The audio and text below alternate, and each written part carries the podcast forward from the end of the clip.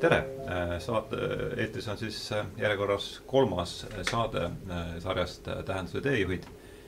ja täna on mul staadio-, siis saates külaliseks Andres Soosaar, meditsiinifilosoof ja teoloog Meego Remmel. ja sel saatel on oma eellugu selles mõttes, et me saime samas koosseisus kokku kahekümnenda, viieteistkümnendal juulil möödunud aastal Peipsi ääres see oli meie seltsi korraldatud avalikul üritusel, kus teemaks olid äh, medits-, jutuks tulid äh, meditsiinipiirid. ja ma julgen meie kolme nimel väita, et meil oli see kõigil huvitav, mõtlesime, et saame, saame uuesti kokku. ja, ja ma pakkusin siis juba suvel välja teemaks, et mis on äh, valu mõte. ja nüüd me oleme seda teemat siin ühte, ühte teistpidi veeretanud ja, ja, ja vahepeal tuli siis, kerkis päevakorda ka selle saate saate mõte ja ja siin me siis nüüd oleme kolmandat, kolmandat korda siis saatega stuudios ja teemaks on veel kord siis valu mõte, mis on valu mõte. ja kui me seda sa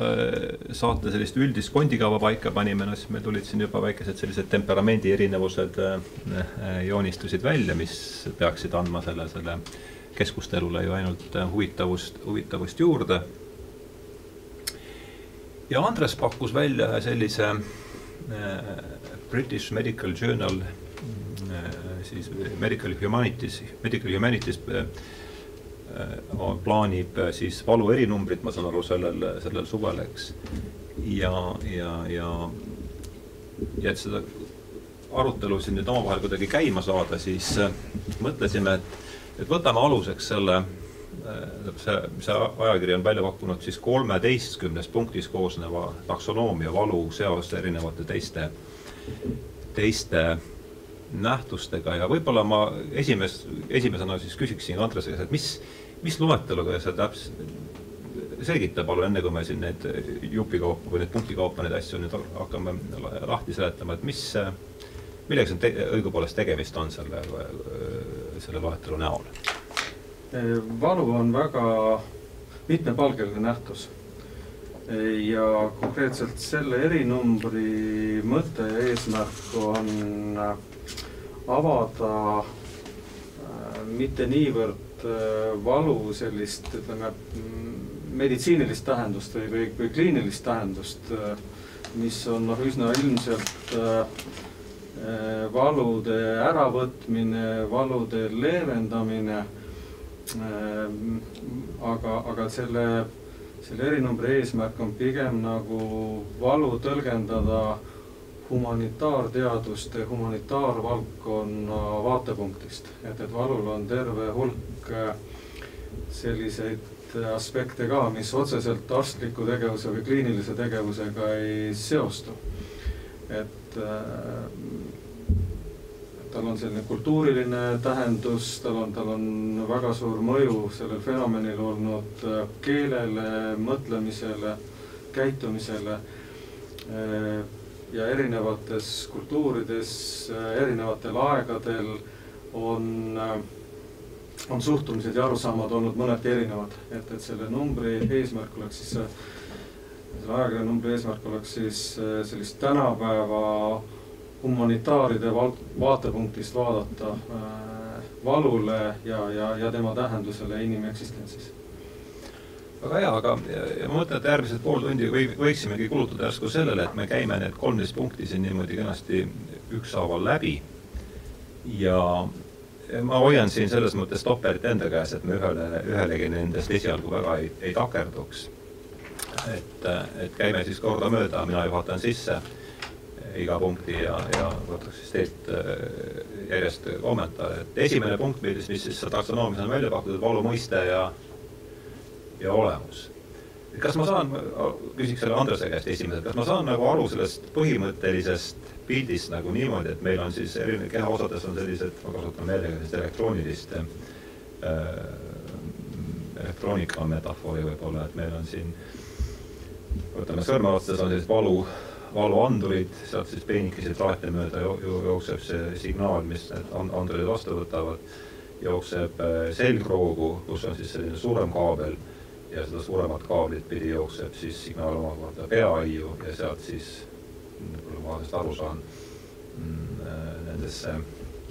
esialgse signaali registreerijate kohta tagasi, et ma saan aru, et see on muidugi äärmusline lihtsustatud pilt, aga seal midagi tegelikkusega üldse pistmist on? Kindlasti on, aga et võib-olla kõigepealt, enne kui me selle valu, ütleme sellise närviaparaadi, valusüsteemi närviaparaadi juurde läheme, et ma võib-olla tahaks öelda seda, et valu on omal moel nagu väga, väga paradoksaalne. et valu mõte ühelt poolt, kui vaadata evolutsiooni ja bioloogia vaatepunktist, on äh, olla signaalsüsteem. et, et valutunne signaliseerib äh, selle tundjat äh, sellest, et midagi tema organismis on, on katki või, või, või, või, või rikki läinud, et ta on selline hästi tugev signaalsüsteem. et selles mõttes on ta selgelt positiivne, et kui meil valu ei oleks, kui meil valumeelt ei oleks, siis me saaksime siin selles ilmaelus palju halvemini hakkama ja on ka näiteid olnud, kus, kus mõnedel inimestel äh, valutunne on kas tugevasti alanenud või see puudub täiesti ja, ja, ja siis sellel inimesel eh, tekivad kergesti probleemid, näiteks ta võib eh, võtta kuumast esemest kinni ja vigastada ennast või, või ta, ta, ta, tema tegelikult selline toimetulek eh, selles keskkonnas, mis meil on, on oluliselt halvenenud. noh, rääkimata sellest, et valutunne on ju see asi, mis inimesi arsti juurde viib, lisaks verejooksule ja mingisugusele funktsiooni kaole, et, et valutunne on, on üks selline põhiline asi, mis, mis annab inimesele märku, et nüüd tuleb, nüüd tuleb meditsiini poole pöörduda. teiselt poolt äh, meditsiin ise mm, äh, tahab valust vabaneda, et, et, et, et inimesed ei tunneks valu, et, et meditsiinilise tegevuse eesmärk sageli on just valu kõrvaldamine ja selles suhtes nad on nagu vastandlikult äh, toimivad äh, küljed, küljed valus. ja meditsiinis on muidugi veel see hästi äh, huvitav, et meditsiinis on üks valdkond anestesioloogia, kus meditsiiniliste protseduuride eneste tegemiseks valu võetakse ära. et, et nii üldnarkoos kui, kui üldanesteesia Äh, või siis lokaalanesteesia, nende kõigi mõte on see, et, et valu ära võtta mingisuguse meditsiinilise tegevuse tegemiseks, nii et, nii et, et valu äh, tähendus meditsiinis on ka vastandlik ja, ja noh, kui me kultuurilise aspekti toome mängu, kõiksugused äh, kannatuse aspektid on seal ka juures, noh, millest me pärastpoole räägime. aga mis sellest, mis sellesse närviaparaati puutub, et seda on kahekümnenda sajandi keskpaigast alates väga intensiivselt uuritud ja, ja selle kohta on ikkagi eh, tõesti ka päris palju teada ja, ja teada on tõesti see, et eh, paljudes kohtades organismis, kus mitte kõikjal, on olemas siis sellised eh, retseptorid, sensorid, mille aktiveerimine annab valuaistingu. aga nüüd eraldi küsimus on see, et mis neid stimuleerib. et mis siis organismis on see, mis, mis valuaistingu esile kutsub ja see on olnud üks päris huvitav diskussioon tegelikult ja, ja nüüd on äh, leitud, et väga spetsiifilist sellist valustiimulit äh, ei olegi. et äh, ühelt poolt valu kutsuvad esile liiga tugevad äh, tavapärased stiimulid, näiteks rõhk, näiteks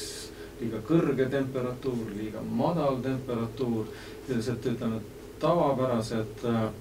tavapärased sellised meie keskkonna füüsikalised äh, nähtused liiga mhm. tugevalt teat-, teatud äh, diapasoonist väljaspool toimides kutsuvad esile valvuaistingu. ja samas kutsuvad esile äh, valvuaistinguga siis teatud keemilised ained, mis tüüpiliselt pärinevad rakkude seest. et rakk läheb puru, kude läheb puru, need ained vabanevad ja, ja, ja käivitavad siis selle närviprotsesside ahela, mida sa kirjeldasid niimoodi väga üldistes joontes, mis siis jah, kuskil seal mõne neuroni ümberlülituse teel see informatsioon jõuab juba, juba peaaiu ja seal peaajus siis äh, seda informatsiooni mitut moodi tegelikult töödeldakse ja äh, selle süsteemi väljundid on tegelikult ühelt poolt tõesti valuaisting, valutunne kuid neid väljundeid võib veel teisigi olla. Äh, võib olla mingisugune reflektoorne reaktsioon, näiteks äratõmbe reaktsioon, et inimene puudutab käega mingit kuuma eset jällegi või, või mingit teravat eset, ta tõmbab käe ära, see on reflektoorne, ta ei mõtle üldse selle peale. seda, selliseid, selliseid reaktsioone on närvisüsteem võimeline genereerima valustiimulile vastuseks ja, ja näiteks ka selline organismi üldiselt alarmeeriv toime on ka selline tugev stressi to, põhjustada toime on valusüsteemil ka, nii et valusüsteemi mõju füsioloogilisel tasandil on ka väga mitmekesine. Selge, see on nüüd niisugune neuroloogiline lugu ja, ja aga no Meego, ma kujutan ette, et sa mitut matust sa keskmiselt teed äh, kuus? no kuus tuleb võib-olla paar tükki, aga eks neid on elu jooksul kogunenud pastorina. sa oled, et sa, sa näed seal nagu valu hoopis teise kandi pealt, eks ole, kus äh, meil ei ole otseselt seda väliskeskkonnast äh, füüsilist või keemilist signaali, jällegi see on omaette küsimus, tea, kus see füüsika ja keemia hakkab ja ja, ja veel kord, me oleme siin selles loetelus esimese punkti juures, et valu mõiste ja olemus, aga siin üheksas, ma toon võib-olla siin kohe mängu selle üheksanda punkti, et valu ja lein, et võib-olla jätka siit, et kuidas sa ma võib-olla veel korra selle Andrese sissejuhatuse juurde tuleksid selles mõttes tagasi, et minu arvates on ka valu märk või mingi tunnus või, või, või teade ja, ja valu äh,, valu kui süsteem nii-öelda äh, hoiab ju inimest või siis seda orgaanilist kogumit, näiteks ka kogukonda kuidagi ta ka tasakaalus, et kui mingisugused ärritajad või mingisugused äh, alarmid äh, lähevad tööle, siis, siis mõte on ju tuua tagasi seda nii-öelda tasakaalustatud seisundit mis iseenesest ei pruugi alati olla vajalik, aga vähemalt see süsteem annab iseenesest märku. ja, ja kui me tuleme nüüd hingevalu juurde või leinavalu juurde laiemalt, siis mulle tundub, et see paigutub nagu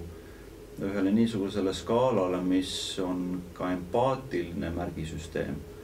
et me, see, mida me meditsiiniliselt saame kirjeldada, on võib-olla selline sümptomaatiline märgisüsteem, et, et valu on mingi sümptom mingisugusest mingisugusest suuremast äh, põhjustikust. Äh, ja, ja, ja sealt edasi võib-olla me saame rääkida ka mingisugusest semiootilisest märgisüsteemist valus, kus mingi tähendus antakse sellele valule. aga ma arvan, et leina puhul on just see empaatiline märk ja tunnus või, või isegi tunnustäht, et me kuulume kokku, me oleme suhtes olevad olendid ja, ja üksteise kaotus on meile valus juba sellepärast, et me oleme, noh, me ei saa öelda, et me oleme orgaaniliselt kokkukuuluvad, aga me oleme kuidagi ähm, inim, inimolemises kokkukuuluvad, noh, võtame kasvõi ema armastuse äh, loomulikult see algab orgaanikast peale ja võib-olla seal oksüdatsiooni plahvatus sünnituse juures ja nii edasi. kõik, mis tekitab selle nii-öelda ema armastuse kokkukuuluvus oma lapsega, kui nabanöör on läbi lõigatud, siis ega ema, ema armastus sellest ei kao vaid see jätkub psüühilisel, emotsionaalsel, empaatilisel tasandil. võib minna läbi elu äh, kuni selleni välja, kus äh, ütleme, ema oma last ei näegi üldse. Ja ometi ta tunneb mingit sidet, ta tunneb valu, ta hing valutab ja öö, olen matnud ka emasid näinud laste valu oma ema matuses ja ma näen, et, et selles on mingisugune empaatiline võime tegelikult tajuda üksteist Ähm, rohkem kui lihtsalt orgaaniliselt või füüsiliselt. nii et see empaatiline siis sinu see, selles tähenduses, nagu seda sõna kasutab praegu, on see üle sellise materiaalse kuidas ma siis ütleksin, üle, üle midagi, mis jääks sellest materialistlikust maailmapildist natukene nagu väljapoole, kas ma sa-, või teen ma, tõlgendan ma su sõnu liiga äh, no me võime niimoodi äh, seda kirjeldada, kuigi ilmselt kui me läheksime nii-öelda psühhofüsioloogilisel tasandil, siis me näeme ikkagi mingisuguseid muutusi aga, aga me näeme, et me oleme suhtes olevad olendid ja meil ei pruugi olla füüsilist kokkupuudet ja ometi vaimsel tasandil. Me mhm. puutume kokku, me tunneme üksteist ja tajume üksteise nii lähedust kui, kui kaugenemist ja leina kaotust. et, et võib, võib-olla kui Meegot täiendada natuke, et see, see on märk äh, sellest, kui lähedased äh, suhted inimeste vahel on olnud, kui me leinast parasjagu räägime, et noh, et meie meie ümber ümbert ikka inimesed lahkuvad, aga, aga ühtede inimeste lahkumise puhul meie psüühiline reaktsioon on ühesugune, teiste inimeste juures hoopis teistsugune, et, et see,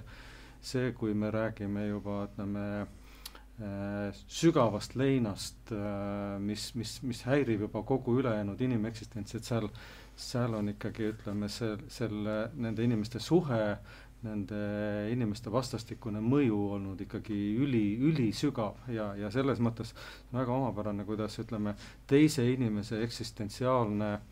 olukord mõjutab äh, leina, et, see, see, see tungib tema ellu nii, niivõrd võimsalt, et et võib ka, ka sellel inimesel leina ajal äh, tuua kaasa olukorra, kus, kus ta ei, kus ta ei suuda ise enam hästi kohaneda selle, selle eluga, mis, mis parasjagu tema ümber käib. aga noh, ma, miks ma seda sõna empaatiline kasutasin, et lein on ainult võib-olla tõepoolest, nagu Andres ütles, see on, see läheb väga sügavale inimese läheduse ja läheduskogemuse juurde, aga, aga kui me vaatame kasvõi tänaval libedaga kukkuvat inimest siis me võime tajuda füüsiliselt sedasama või sarnast valukogemust ja me tõttame teda aitama, me tunneme kaasa ja me saame aru, et me tegelikult oleme kohustatud kuidagi selle inimese valu leevendama. ja seal ei pruugi meil üldse olla kokkupuudet olnud selle inimesega, vaid meie inimlikkus kui niisugune sunnib meid tundma seda valu, kaasa tundma sellele valule ja aitama seda inimest selles valus. et, et siin võib-olla oleks kohane laiendada seda, seda ütleme, psüühiliste nähtuste skaalat kannatusele mm. -hmm. et, et valu ja, ja kannatus on äh, omavahel äh, ka ikkagi niimoodi väga tihedasti seotud olnud läbi aegade, et noh, see on ka keeles niimoodi, kui vanu keeli vaadata, et, et seal need mõisted on ja, ja, ja sõnad on äh, lähestikku ja, ja, ja, ja muus äh, ütleme, selles inimkäitumises, kultuurilises käitumises samamoodi, nii et, et kannatus ja valu noh, väga sageli on lausa sellises sünonüümses äh, tähenduses. jah, ma arvan, et see on tegelikult teema, kuhu ma tahaks tulla selle saate, ütleme, teises kolmandikus eraldi pühendada sellele. aga võtame siit teise, sellest taksonoomiast nüüd teise punkti, valu ajalugu. Et see viitaks nagu justkui sellele, et valu ei ole, ühest küljest on ta kindlasti selline inimlik universaal, eks, aga teisest küljest vähemasti juba asjaolu, et selline mõiste siia välja on pakutud, näitab, et see mõiste on nagu ajas, ajas muutunud ja ja ma lugesin selleks saateks ette valmistades taas üle seda Ivani raamatut, millest me ka Peipsi ääres suvel rääkisime, Ivan Illitši meditsiini piirid ja seal ta räägib, üks peatükk on eraldi valule pühendatud. Ja ta ütles välja sellise huvitava fakti, et kui ka teisel sajandil enne, enne Kristust pandi siis kreeka keele ümber, kreeka keelde ümber mm, äh, Vana Testament, et siis see kreekakeelne sõna valu haaras enda alla kolm, kolmteist heebreakeelset, äh, heebreakeelset sõna, et äh, võib-olla siin oskab Meego midagi ütelda selle kohta, et sa oled äh, olen küll heebrea ja kreeka keelt õppinud, aga ma ei ole selle ala inimene, eh, mis tähendab seda, et ma eh, jätaksin selle kommenteerimise siiski keele asjatundjatele. Eh, ma julgen öelda, et igasugune tõlkimine, kaasa arvatud Septuaginta ehk siis sama kreekakeelne Vana Testamendi tõlge on ka kultuuriline tõlge. et seal, seal ei ole võimalik otseselt üle kanda, heebrea keel iseenesest on väga niisugune holistlik keel et seal võivad ühed samad mõisted tähendada kontekstis tulevad väga erinevaid asju, nii nagu igas keeles muidugi, aga ta on arhailine keel võrreldes kreeka keeles, mis on nagu grammatiliselt ka hästi töödeldud ja, ja arenenud. Eh, aga eh, fakt on see, et Vanas Testamendis eh, on valu kohe alguse lehekülgedest peale nõnda reaalsus, kus räägitakse mm, Eeva Äh, sünnituse kogemusest juba ette ja öeldakse, et sa pead valuga tooma lapsi ilmale. Ja seda äh, on väga palju siis hiljem nagu käsitletud, et kas valu on pattu langemise nii-öelda üks kaasnähe. aga kui me vaatame tänast maailma, kui me vaatame loomariiki ja nii edasi, siis me, siis me näeme seda, et just nimelt valu hoiab tegelikult ju seda inimelu ja üldse sotsiaalset või siis ka, ka bioloogilist eluvõimelisust äh, üleval. et äh, pigem võiks sellel, sellel sõnumil sealt Vanast Testamendis olla mingi suurem tähendus. seesama ema armastuse tähendus või midagi niisugust, mis, mis käib elu, elu andmise ja, ja elu olemisega kaasas. kui me tuleme Vana-testamendi keskele, näiteks prohvet Jesaja raamat, kus ennustatakse messia tulekut, siis öeldakse Jeesuse kohta või siis messia kohta, mida Uues Testamendis hiljem öeldakse, et see on Jeesus, et ta oli valude mees ja haigustega tuttav ja ta võttis need kannatused, mis on inimese peal olnud enese peale. ja loomulikult siis tekibki see tõlge nii-öelda suunda Uude Testamenti, kus nähakse, et Jeesus isikus on need äh, ennustused täide läinud ja Jeesus on nagu kõigi valude prototüüp või, või keegi, kes kannab tegelikult kõigi inimeste valusid. Ma võiks kahte asja võib-olla öelda selle koha peal, et, et ühelt poolt äh, bioloogilisest vaatepunktist valu on selline väga levinud nähtus, et see ei ole inimesele ainuomane, et, et Descartes arvas küll, et äh, loomad valu ei tunne, õigesti, noh, ütleme, kuna neil ka teadvust ei ole, aga, aga noh, tänapäeva arusaam ütleb, et valu on ikkagi väga laialt äh, levinud loomariigis paljudel liikidel, et see, see ütleme, bioloogiline pool ei ole ühes selle närviaparaadi äh, ehituse ja sarnasusega noh, on, on ikkagi selline väga universaalne selline tunnetus, tunnetusmehhanism tegelikult see üks asi. ja teine asi, mis ma tahaks öelda, on see, et eh, just Meego, Meego seisukohtadele lisaks, et me elasime hulk aega eh, sellises arusaamas, et valu on paratamatu. Ja kogu see, ütleme, arusaam, valu tõlgendamine äh, Äh, lähtus sellest, et, et val-, valu on paratamatu, valu tuleb kannatada teatud olukordades ja, ja valu teeb tugevaks ja kõiksuguseid selliseid kultuurilisi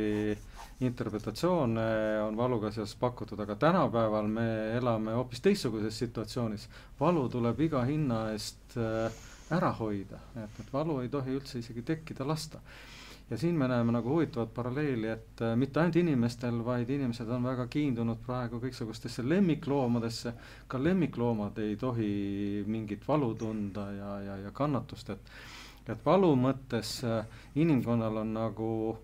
äh, kaks ajastut olnud, et valuga leppimise ajastu ja, ja teine ajastu on siis äh,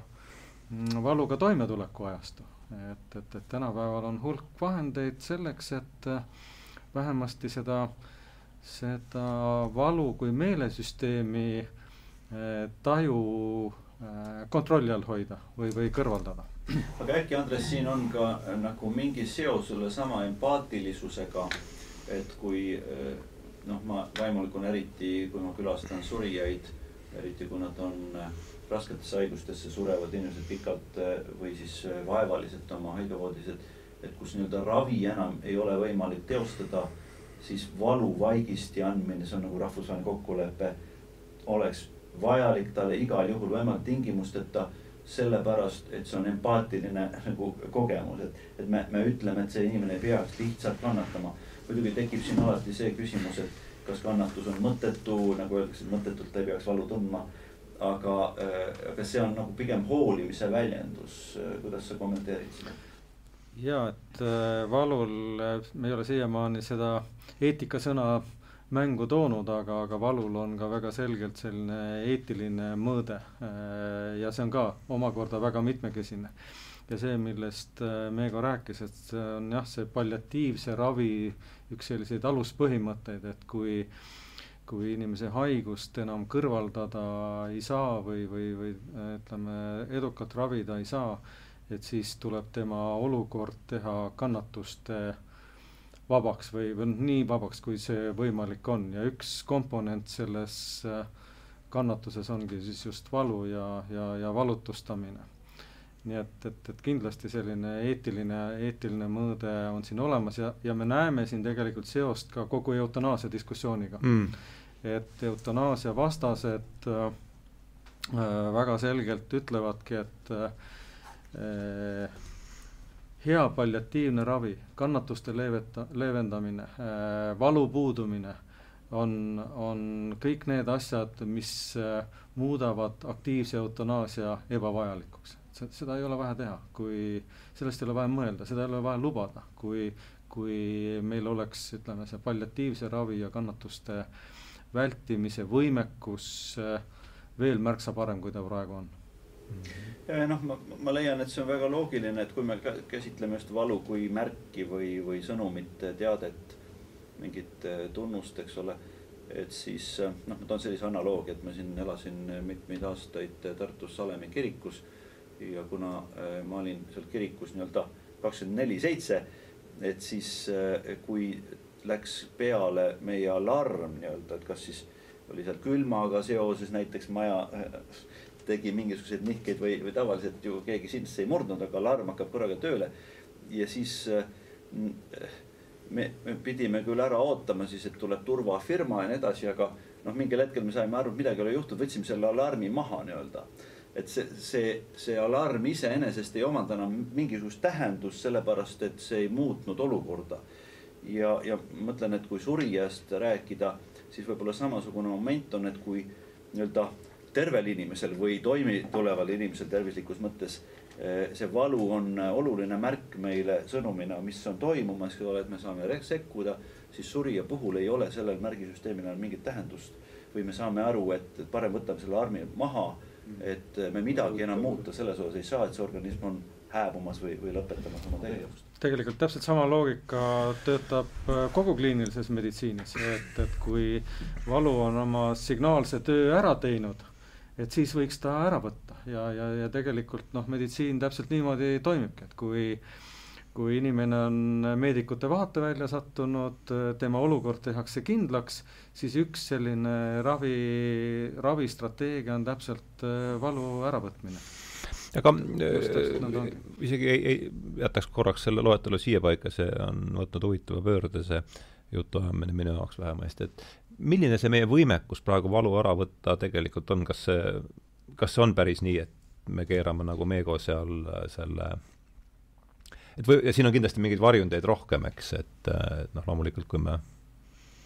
see arsenal on päris korralik, aga, aga mitte ikkagi mis tahes olukorra jaoks tõhus.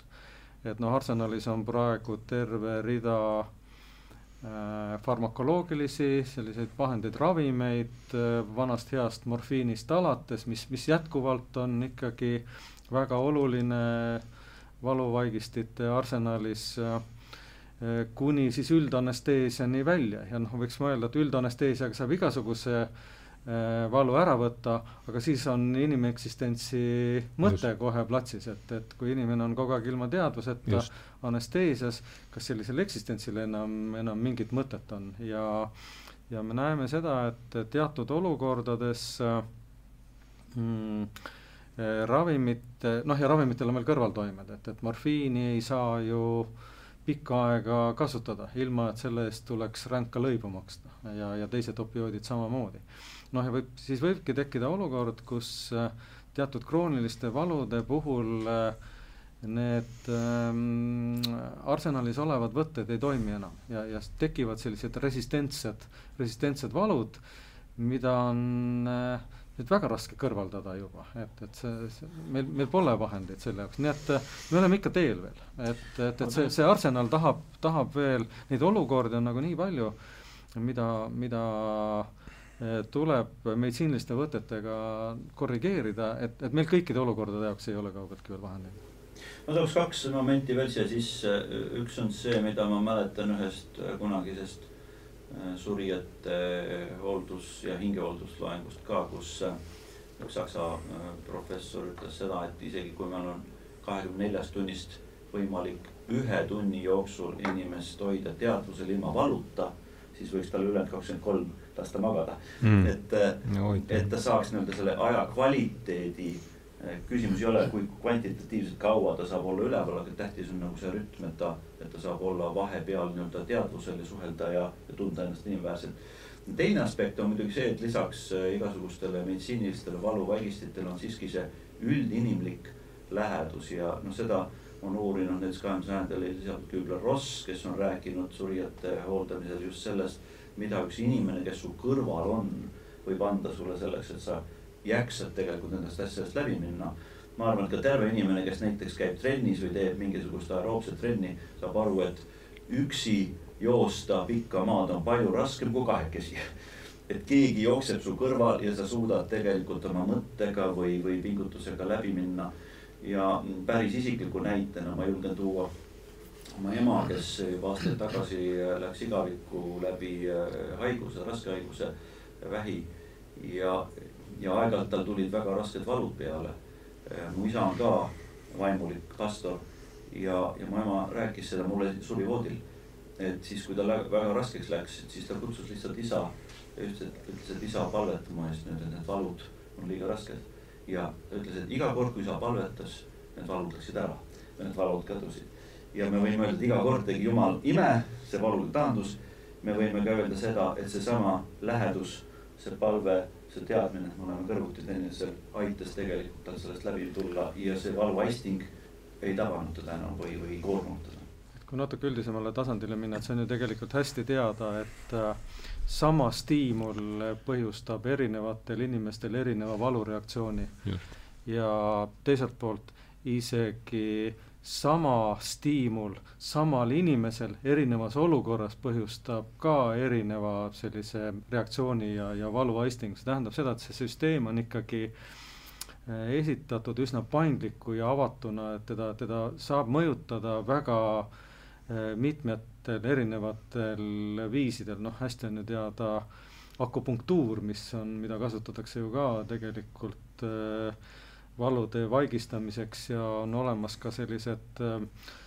psüühikat mõjutavad tehnikad, millega on, millega on võimalik äh, valuaistingut modifitseerida, nii et, et jah, tegemist on äh, väga keeruka ja, ja kompleksse ja paindliku sellise tunnetusmehhanismiga tegelikult. siin ongi nüüd huvitav kolmas, kolmas punkt, mis selles taksonoomias on välja toodud, mida me oleme siin nüüd otsast peale arutanud, esimene oli siis valu mõiste ja olemus, teine valu ajalugu ja kolmas ongi niisugune punkt, millest esimese hooga on nagu raske sotti saada, et võib-olla üritaks kamba peale siin, et valufenomenoloogia, et et ma saan aru, et see ongi nii vähe, kui mina sellest üldse nagu oskan kusagilt pihta hakata, siis et see ongi, see valu on ikkagi midagi väga isiklikku, just seesama, et üks ja sama reaktsioon või üks ja sama stiimul võib kutsuda väga erineva, erinevates inimestes esile väga erineva valuaistingu, eks. ja, ja ja seda võrrelda on peaaegu võimatu, aga ometi ma kujutan ette, et meditsiinis on mingid sellised enam, mingid kriteeriumid, millega, mille alusel seda valu kuidagi üritatakse objektiviseerida, et võib-olla Andres, hakka sa siit pihta, et kuidas et, et tegelikult valufenomenoloogia kliinilises meditsiinis on täitsa selline selge valdkond ja, ja, ja seal on omad praktikad, et, et kõigepealt äh, võib-olla selgita see lahti, mida tähendab äh, valufenomenoloogia no, minu jaoks äh,, ma ei tea, seda võib ju erinevalt seletada, aga et minu jaoks on äh, valufenomenoloogia see, kuidas äh, noh, kui me meditsiinist räägime, siis patsient äh, oma valusid äh, kirjeldab, millised need mm. valud tal on. ja, ja see tegelikult on oluline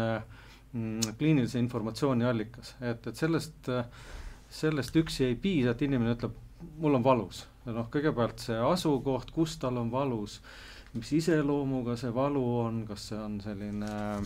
põletav või et sageli inimesed suudavad seda, seda valu iseloomu ka kirjeldada, milline see valu on, kas see on tuim, kas see on terav, äh, kas see on selline torkiv, kas see on ühes kehapiirkonnas, kas see on väga ulatuslik, et, et tegelikult arsti, sõltuvalt muidugi valdkonnast ka äh,, psühhiaatrit muidugi eriti huvitab see valufenomenoloogia, et kuidas, kuidas äh, inimene seda oma, oma valuaistingut äh, kirjeldab, millega see seostub ja, ja, ja seda tavaliselt äh, tavaliselt ka üsna hoolikalt äh, fikseeritakse, aga samas teatud haigustel on selline väga tüüpiline äh, valukirjeldus, no näiteks südame-isheemia tõvel inimene ei ütle, et äh, et mul siin teravalt kuskil siin vasakul rinnus torgib, vaid pigem ta ütleb, et see on selline äng, see on selline raskustunne ja sageli see ka kiirgub kuskile, nii et, et nii et valu sellise kirjelduse järgi äh, arstid äh, äh, saavad teha tegelikult nagu päris olulisi oletusi ja järeldusi, mis selle valu taga on, mis selle valu on põhjustanud. aga kas, kas meditsiinis on, oletame, et kui siin, või ei pea oletama, et on, on olemas niisugune Richteri skaala, eks, maavärinate mõõtmiseks, et kas kas meditsiinis on ka midagi sarnast olemas, mingi Teatud, skaala valu ja, intensiivsuse mõõtmiseks? on, et ja kuidas seda, kuidas seda niimoodi üks on selline subjektiivne skaala, et inimene ise nagu positsioneerib oma valu, ütleme seal mingis kümne punkti skaalal, et kus, kus, kus tema valu äh, see, see valuaisting tal on, et seda üritatakse objektiviseerida. noh, kuigi levinud ei ole muidugi ja seda on äh, organismi sisemusest pärineva valu puhul ka väga raske teha äh, et, et seal kuidagi neid stiimuli tugevusi mõõta, noh, mingisugust äh, ainete kontsentratsiooni või et, et selle, selle stiimuli hindamine on tegelikult üpriski keeruline. kuid samas äh, meditsiini või selles valu äh, neurobioloogias on ka üks selline oluline jaotus, on siis epikriitiline valu ja protopaatiline valu, kus on täitsa erinevad äh, sellised närviteed ka. et epikriitiline valu on selline äh, Äh, selgesti lokaliseeritud, äh, selline väga konkreetne protopaatiline valu, täpselt vastupidi, selline ebamäärane ruumilise asukoha mõttes äh, ja, ja, ja sellise tumedama, ebamäärasema iseloomuga, samas piinavam. Mm.. nii et, et selles mõttes noh, ütleme see, see valufenomenoloogia on, on tõesti oluline teema, kuid, kuid oluline on mõista nüüd seda, et et valuaisting tekib ühes kohas, aga, aga valu, ütleme selle äh,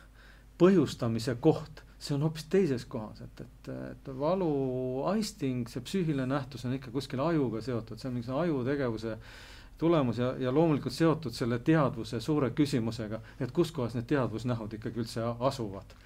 Aga et samas see, kus see esile kutsutakse, see võib olla kuskil organismis äh, ajust hoopiski eemal ja, ja, ja siis tekib äh, ühendus ajuga seal närviteede abil. Ja, ja ka vastupidi. psühhiaatrias on ju hästi teada, et, äh, et inimesel on valutunne kuskil kehapiirkonnas, aga midagi objektiivselt sealt ei ole võimalik leida, et, et see on selline omapärane psüühika reaktsioon. Et ta genereerib kuhugile valu, kus vähemasti kaasaegse arusaama järgi midagi katki ei ole, mitte midagi haige ei ole, nii et, et äh, ütleme, sedapidi on ka see asjade seis täiesti võimalik. mida sinus või milliseid mõtteid või kuidas sa üldse millised mõtted tekitab sinus see sõnapaar valu fenomenoloogia, mida, see on niisugune pisut ja. minule siiamaani pisut äh, mõistatuslik, Andres. ma arvan, et Andres kirjeldas väga hästi seda, noh, ma olen natukene meditsiinitaustaga inimene, kuna ma õppisin eripedagoogikat ja seal oli ka igasuguseid füsioloogia ja anatoomia ja, ja psühhiaatria ja nii edasi kursusi. Eh, aga nüüd erivajadustega inimestega tegeldes äh, ma küll olen spetsialiseerunud ekstra kurtidele ja, ja kuulmispuudega inimeste abistamisele. Eh, ja, ja töötanud tegelikult inimestega haiglas ka, kes jäid kurdiks ja seal oli rohkem selline psühhotraumaatiline valuprobleem nende jaoks. ja alles, alles eh, selle järel võib-olla siis see, mis kuulmist puudutab. aga, aga on, on huvitav vaadata, et kui inimestel on mingisugused, ütleme siis kas meele või, või mingisugused liikumispuuded või, või midagi niisugust, et et seal võib olla ka nagu avalduda mingeid selliseid tasandeid valu kogemisel, mida, mida ma ei oska kirjeldada, et Andres kindlasti oskab siit rohkem rääkida, aga, aga no näiteks need inimesed, kes sünnivadki valutundetuna, et neid inimesi on ka, neid on vähe, aga nad on, eks ole, siis sageli need inimesed on ka vaimupuudega Eh, nad, nende neuroloogiline süsteem tervikuna nagu ei tööta, mis ei pruugi alati olla, aga sageli on sellega kaasnev. aga nüüd on avastatud siin, et, et ka need inimesed põhimõtteliselt on võimelised valu tajuma, kuna inimese kapillaarides ehk siis väga pinnalistes veresoontes ja veel mingi äh, higinäärmetes on tegelikult ikkagi mingisugused valuretseptorid, mis ei tööta üldse nagu selle suure närvisüsteemi põhjal, vaid, vaid annavad inimesele võimaluse siis kui ta puudutab näiteks sedasama kuuma anumat, tõmmata käsi ära, isegi kui ta, see närvisüsteem ei tööta. no see on see reflektoorne vastus mm., et see ei vaja psüühika olemasolu, lihtsalt need äh, närviringid kesknärvisüsteemis on niimoodi ehitatud, et ja, ja need on ka tegelikult evolutsiooni käigus on need refleksid äh, tüüpiliselt tekkinud, et, et need ei ole, neid ei õpita koolis või, või kuskil kursustel, vaid äh, need on meile seeläbi kaasa pandud, et me oleme inimeseks sündinud selle oma kehaehituse ja, ja kehatalitluse iseärasuste ja võimekusega, et, et, et see, see on, see on kindlasti nii. ja noh, täpselt samamoodi siis kõigi nende nii-öelda selliste psühholo-, füsioloogiliste ütleme valudega, eks ole, mis täpselt lokaliseeruvad kuskil või, või on väga ebaselge ja noh, minu jaoks on nii-öelda kõrvaltvaatajana, arst oskab siin kõrvalt paremini öelda, on just see kõige keerulisem, kui inimese jaoks on see valu niisugune noh, ütleme siis on protopaatiline, mida ei ole võimalik kuidagi lõpuks lokaliseeridagi ja ta vaevab inimest kogu aeg, et mida siis teha sellise inimesega ja, ja pastorina hingehoidlikus elus olen ma täpselt samamoodi näinud seda, et, et inimene käib oma hingevaevaga kogu aeg ja seda lokaliseerida on väga raske. sa püüad seda teha, tuvastada nii-öelda seda põhjust, aga, aga võib-olla see on kuskil nii sügaval inimese sees, et ta ise ka ei tea noh, ehitused on ka või ütleme, see süsteemide ehitus on ka erinev, et ütleme, siseorganite puhul on üsna keeruline inimesel aru saada, noh, ütleme kõhuõõne, et kas, kas see tuleb pankreasest või, või, või soolestikust või, või, või maost seal. Et ta tunneb, et kõhus midagi valutab ja ükski, ükski arst ei võta seda juttu tõsiselt, kui keegi räägib, et noh, et mul magu magu valutab, tekib, no võib-olla kui tal on diagnoositud haigus hiljuti, et siis, siis võib-olla küll, aga et äh, esmakordsel kokkupuutumisel, no seda tuleb uurida, mis, mis seal täpselt valutab. aga samas nahas äh, see valumeel on just selline epikriitiline, et naha puhul on nagu, inimene suudab väga hästi lokaliseerida, kus mm., kus see valu asub äh, ilma teiste meelteta, loomulikult kui sa näed, et äh, sul on kahjustus siin käsivarre peal, noh siis see nagu kinnitab sul, kinnitab ka sul seda, seda otsust. aga et valufenomenoloogia puhul, äkki mul läheb pärast meelest ära, väga huvitav nähtus on ju see fantoomvalu. Mm.. et äh, inimesel võidakse seal jäse eemaldada, amputeerida, seda jäset ei ole, aga inimene tunneb, et see jäse valutab talle, et, et, et see on nagu selgelt sellest, et see nende närviteede seal armistumine, see põhiseletus on praegu, et seal närviteede armistumise tulemusena see antakse sellist nagu pseudoinformatsiooni aiu ja aju konstrueerib tegelikult, aju konstrueerib jalavalu, kui, kuigi noh, jalga inimesel ei, ei ole enam, et, et see, see näitab ka omakorda seda, kuidas see kuidas see, ütleme, see teadvuse võimekus äh, neid, ütleme, vaimunähtusi genereerida, et kui, kui, kuivõrd omapärane ja eriline see on. ja kas sellesse samasse sahtlisse läheb järsku see platseebo efekt ka vist või, või, või see on natukene platseebo vist on natuke teine. on teine, jah? aga mille poolest? selles mõttes, et äh, top-down, eks ole, mõttes, et et inimene nii-öelda metatasandil kõigepealt hakkab uskuma, et see ravim ongi tema jaoks ja siis organism hakkab äh, nii-öelda vastavalt sellele tööle, et, et see ei tööta küll valupõhiselt, aga ta töötab nii-öelda mõnes mõttes, kas siis alt üles või üles alla süsteemi. no see erinevus nagu tundub väliselt olema see, et platseebo küsimus on ilmselt üleval, et äh, valu saab kõrvaldada ilma valuvaigistita. et, et platseebo on selline valu analgeetilise mõjuga Äh, nagu meditsiinis see terminoloogia on. aga et fantoomvalu, seal tekib üks selline fenomen, mis äh, noh, millel nagu platseeboga otseselt ei ole küll mingit pistmist. saate teise äh, ploki pühendame teemale valu ja kannatus. ja nii, nagu mina sellest aru saan, on see, et kui me muidugi valu on ka laiali valguv mõiste, nagu me siin juba saate esimeses osas veendusime, aga kui me võtame nüüd valu selles kontekstis praegu sellise füsioloogilise nähtusena,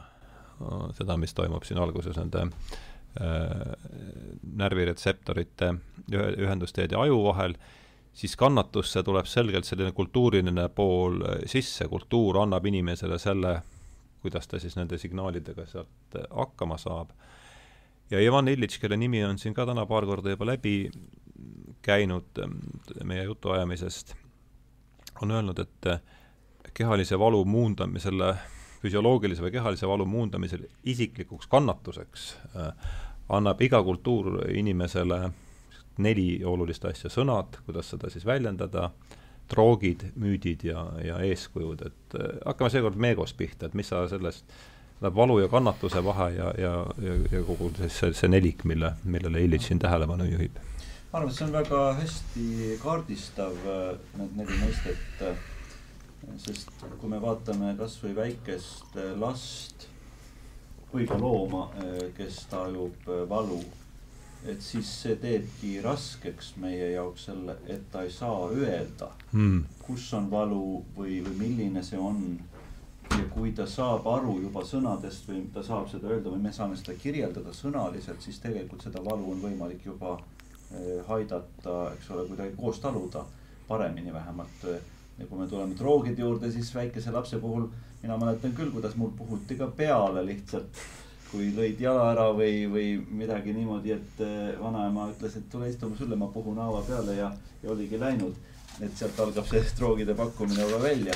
aga eh, loomulikult, kui me räägime müütidest ja eeskujudest, siis mina vähemalt sellises kristlikus narratiivis loomulikult noh, kõige võimsamat lugu näen ikkagi Jeesuse isikus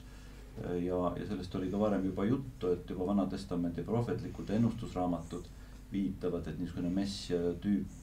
Äh, võiks ilmuda, kes on valude mees ja haigustega tuttav ja võtab meie kannatuse enda peale. ja äh, olles nüüd praktiliselt hingehoidlikus tegevuses inimestega vestlemas, äh, palvetamas, neid külastamas, olgu kuni surivoodini välja, siis ma näen, et valu ja kannatust on inimesel palju lihtsam kanda,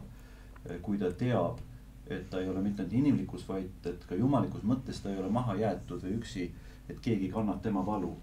piibel ütlebki see oli Jesaja nelja, viiekümne kolmas peatükk, et ta kandis meie valu ja meie haigusi. et, et ta teab, et keegi on veel selles kohal. ja, ja ma arvan, et niisugune nii-öelda noh, laias mõttes müüdi või eeskuju teadmine ja tundmine aitab sellest paremini läbi minna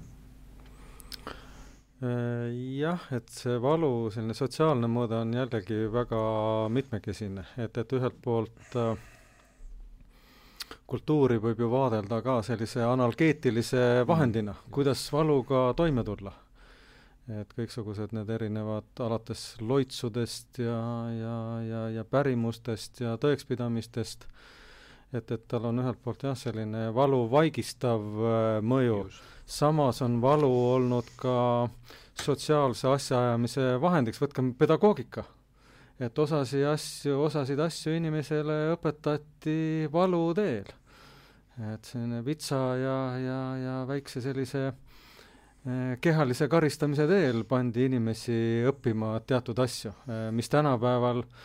ei ole enam kuigi aktsepteeritav, veel mitte väga ammu oli üsnagi aktsepteeritav, nii et, et eh, ühiskonna, kultuuri ja valu seosed on, on ülimalt mitmekesised mm. -hmm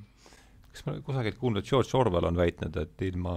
et ladina keele õpingutel on, pidi olema vits vähemalt sama oluline kui, kui, kui õpik ise, et et, et et selle teema kommentaariks. aga jah, mulle meeldis väga see mõte, et kultuur on analgeetiline vahend ja, ja ma arvan, et siin, aga kus kui me nüüd sellest mõttest kinni hakkame, et siis minu meelest omandab valu kohe sellise palju laiema tähenduse, siis ta ei ole enam mingi selline pelgalt, eks, füsioloogiline nähtus, vaid ta muutub selliseks eksist-, eksistentsiaalseks äh, ilminguks minu arvates, sest see, see, see põhiline valuallikas minu arvates või ma tsiteerin siin muidugi taas, aga et see, see põhiline valu lähtekoht on see, et iga üksikisikut on lõpmatult, lõpmatult vähe ja, ja, ja kõike muud on, on, on lõpmatult palju ja see, see kultuur noh, võimaldab meil kuidagi siis omavahel niimoodi kokku panna midagi, mis ei ole enam noh, mis jällegi lõpmatu sees on muidugi jällegi lõpmatult väike, aga, aga vähemasti on oluliselt suurem, kui, kui seda iga üks, üksikisik on, et mis sa meiega sellest mõttest? et see mulle väga meeldis jah, et kultuur kui kui analgeetiline vahend, see muidugi, eks kui me hakkame ühiskonda käsitlema, siis me võime kritiseerida ühiskonda, et ühiskond on nii ja naa.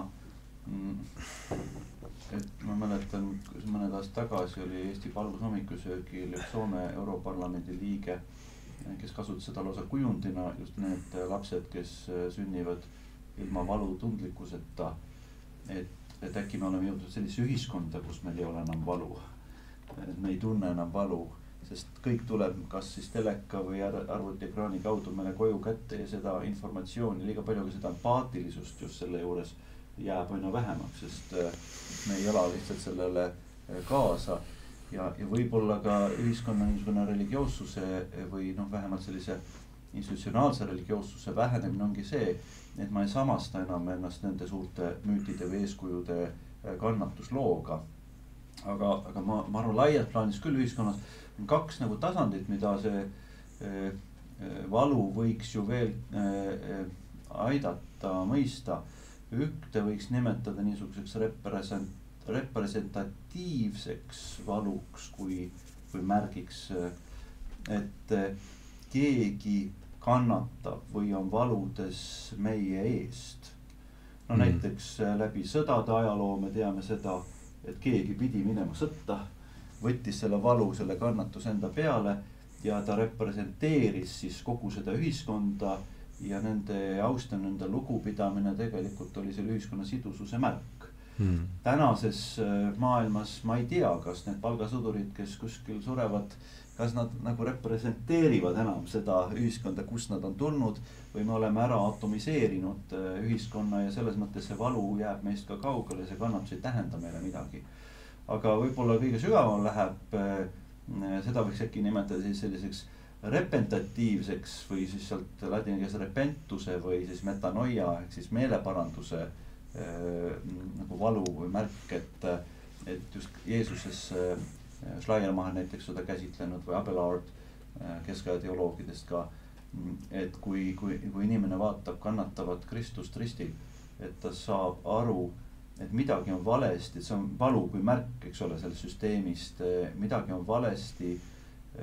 ja ta peab iseendasse vaatama, ta peab peeglisse vaatama, ta saab aru, et valu, valesti on tema endaga ka midagi mm. -hmm. ja see toob teda nii-öelda selle repentuse või metanoia või selle meeleparanduseni ja ta kohandab iseennast. ja võib-olla, kui me kaotame ära selle empaatilise poole oma ühiskonnast ja selle representatiivse, et siis äkki see repentatiivne ehk siis repentuse või, või, või meeleparanduslik äh, valu ja kannatuse taju on meile eh, nagu sillaks, et me saaksime tagasi tulla niisuguse ühiskonna juurde, kus me oleme lõimitud ja sidusalt eh, koos üksteisega. nojah, see on nagu see paralleel ju täiesti ilmne selle puhta füsioloogilise valuga, et see on mingi olu, väga oluline tagasisidemehhanism, eks, eh, ja see see viimane aspekt, mis sa siin tõid lagedale, põhimõtteliselt räägib samast asjast, aga et see ei toimu mitte niisugune äravõtmise teel, vaid, vaid, vaid pigem sellise läbi meeleparanduse, et et võib-olla Meego jaotuse teise, teise osa täienduseks, et äh, valu ja kannatus on tegelikult ka selline hästi suur inspiratsiooniallikas kunstile olnud, et, et, et suur hulk kunsti on ikkagi ka just äh, seda kannatust püüdnud, püüdnud näidata, edasi anda ja ma arvan ikkagi sellel eesmärgil, et inimesed paremaks läheksid, et et, et, selles mõttes see, see mõõde just selle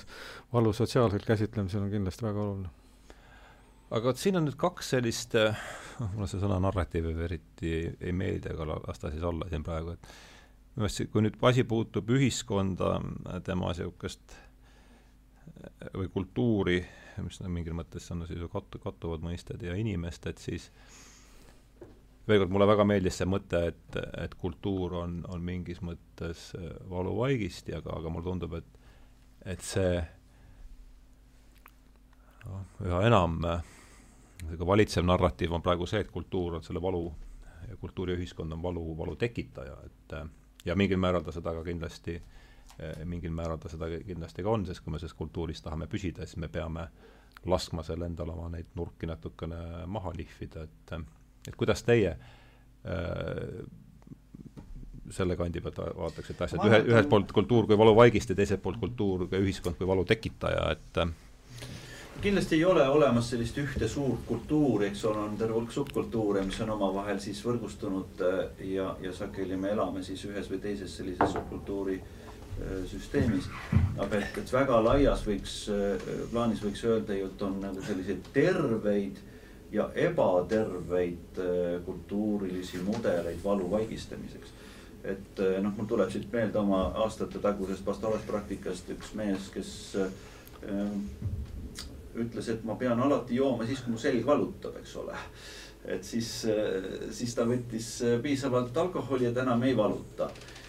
noh, külmaga saab toime tulla ja nii edasi nii edasi, aga et, et kui me temaga sügavamale läksime, siis ega seda seljavälu tegelikult väga ei olnudki. et rohkem oli see, see alkoholi vajadus, eks. et me võime valuvaigistina kasutada ühiskonnas mingisuguseid ebaterveid meetodeid või ühiskonnal lausa ehitada üles selle peale, et nii kui valu on, nii me tegelikult lähme nõnda noh, kui ma kasutasin siin enne meeleparandussõna, et noh, näiteks meelelahutus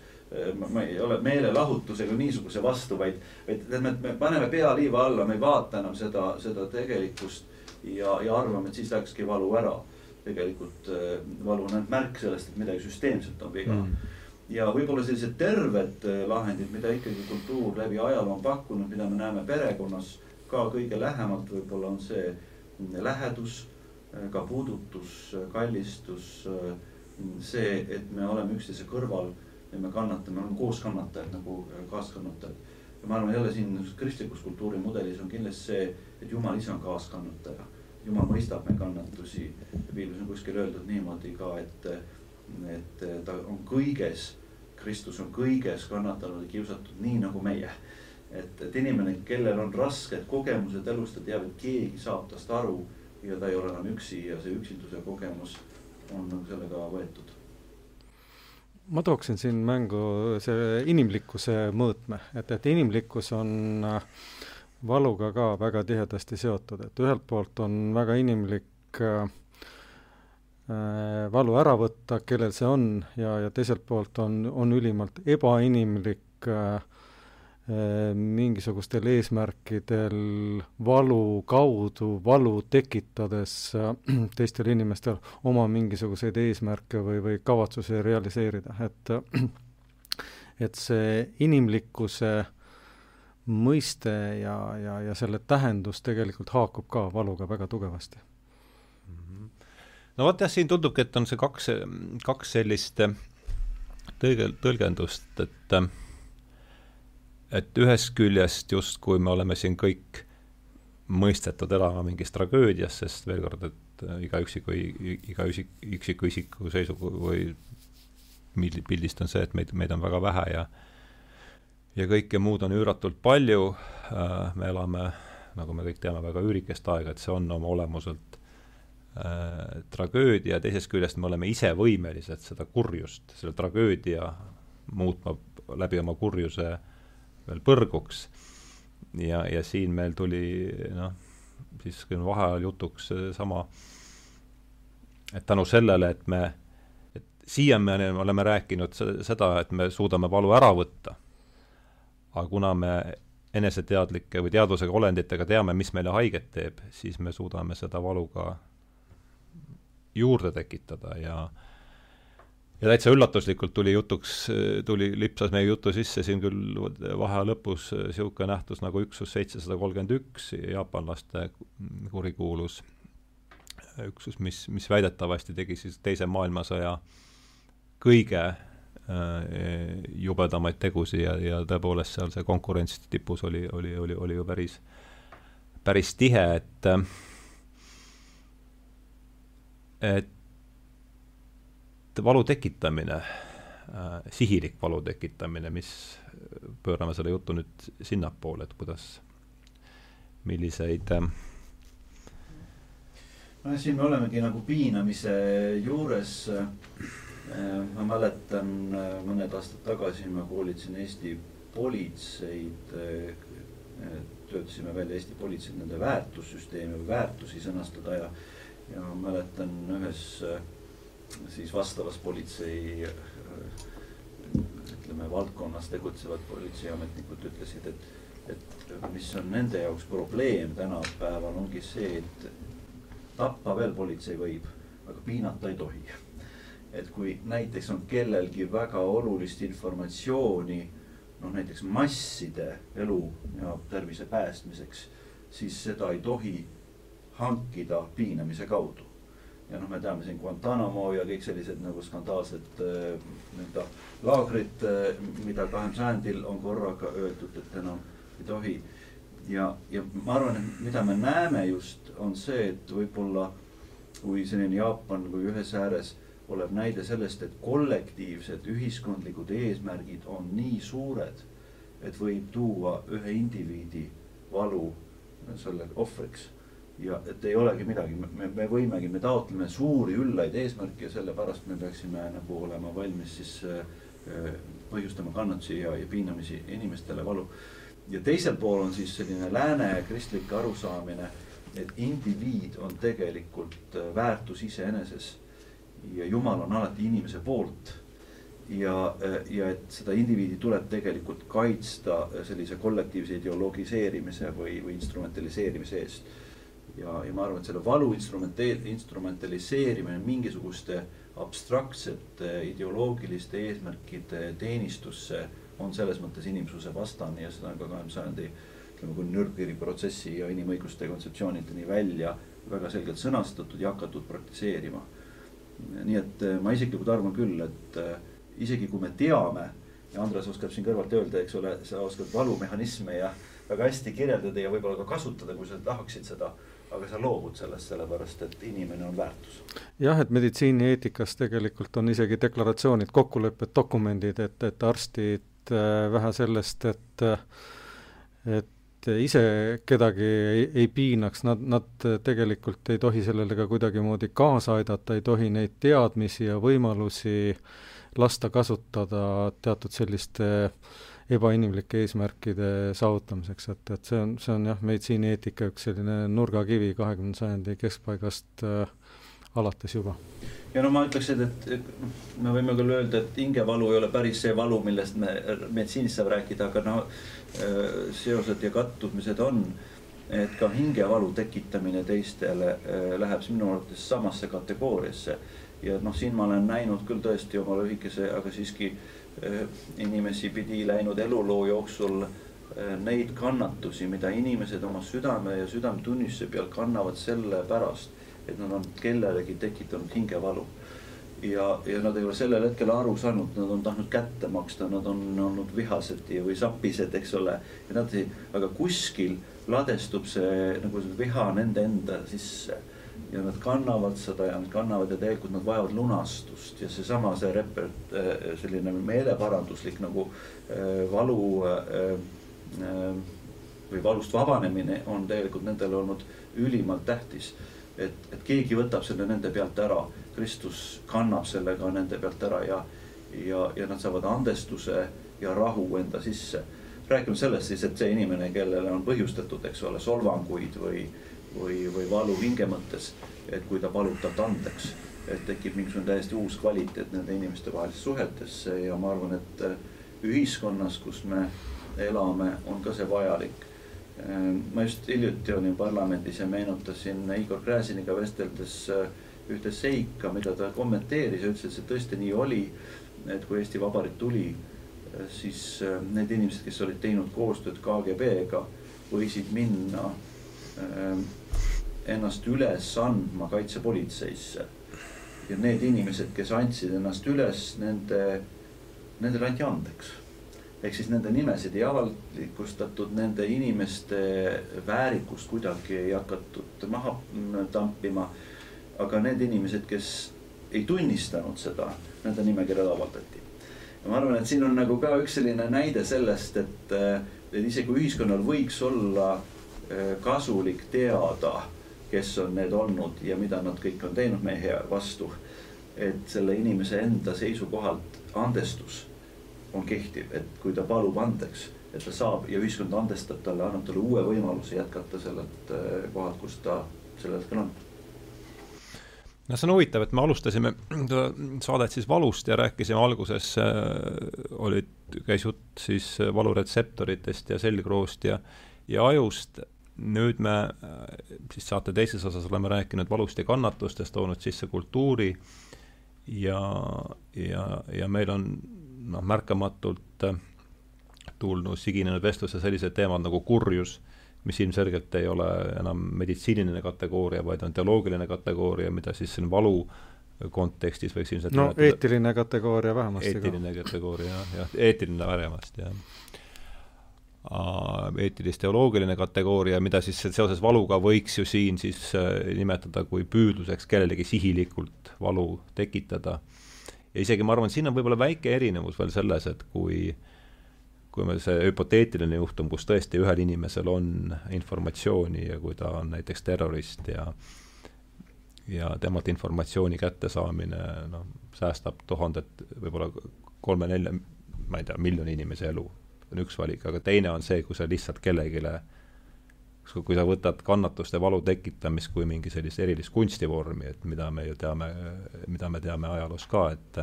ma arvan, et kas, kas te näete siin mingit vahet, et kas see et kuidas see kurjuse skaala nagu veel kord, me oleme siin meditsiinist nagu nüüd juba triivinud äh, natuke kaugemal, aga, aga käime, jätkame. ma ei mäleta nimesid, see on aastate tagune lugemine, aga võib-olla kuskil seal piirialal on üks äh, juhtum, kus üks arst siis äh, tappis oma patsiente. ja tegi seda meditsiiniliste vahenditega ja kui ta siis lõpuks tabati ja kohtu ees oli, siis ta kirjeldas seda just läbi niisuguse naudingu noh, ütleme kirjelduse, et ta ütles, et mulle meeldib surmalõhn toas mm.. mulle meeldib see nagu kogemus nagu näha, kuidas need inimesed hääbuvad. Ja äh, ma ei mäleta enam nagu neid täpseid nagu seal võib-olla valu oli vähem kui, kui surma.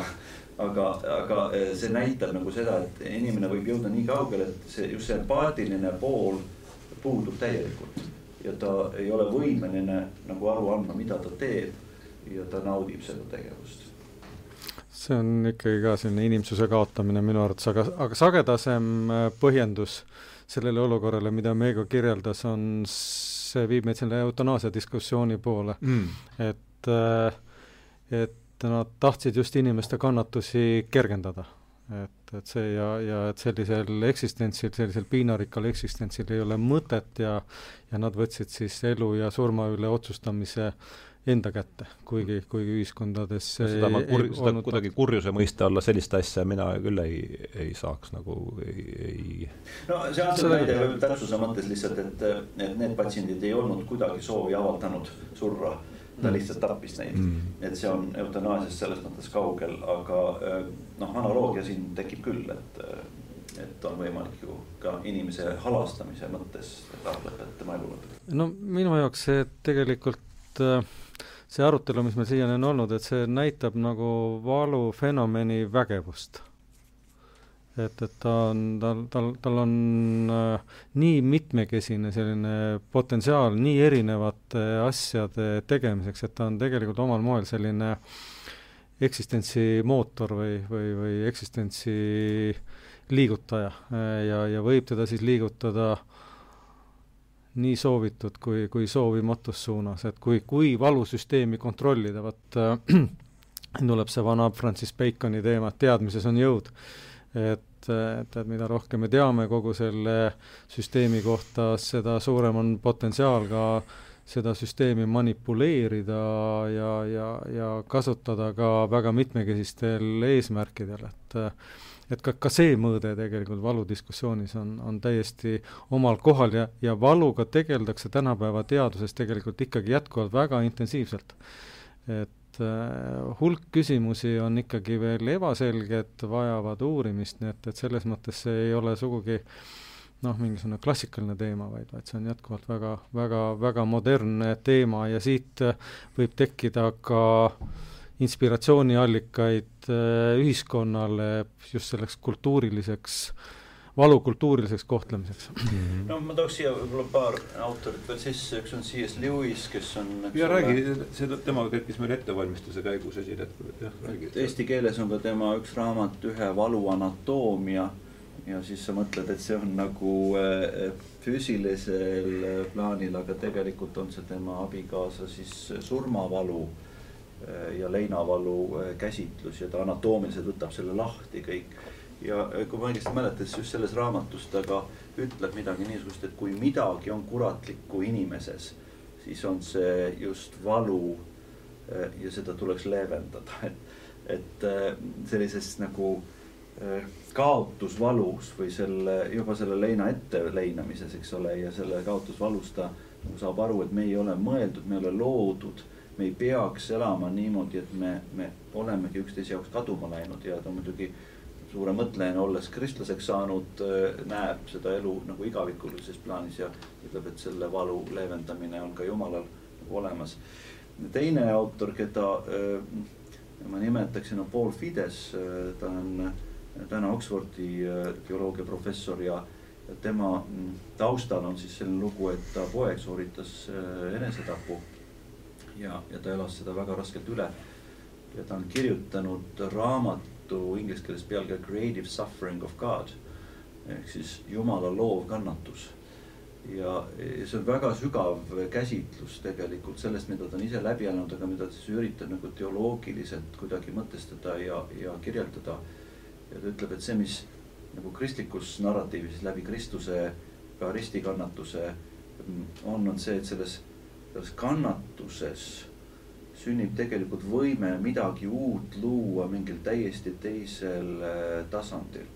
ja seda ei saa enam võtta primitiivse valuna, ma olen ka tundnud neeru kivivalu ja sellega äh, see ongi see kuratlik, et sa, sa tahaks mööda seina üles minna, sellepärast et see valu on liiga valus, eks ole. aga kui me, kui me tuleme nagu selle kannatuse tasandile, et see paneb meid uuesti maailma nagu küsima ja mõtestama enda jaoks äh, ümber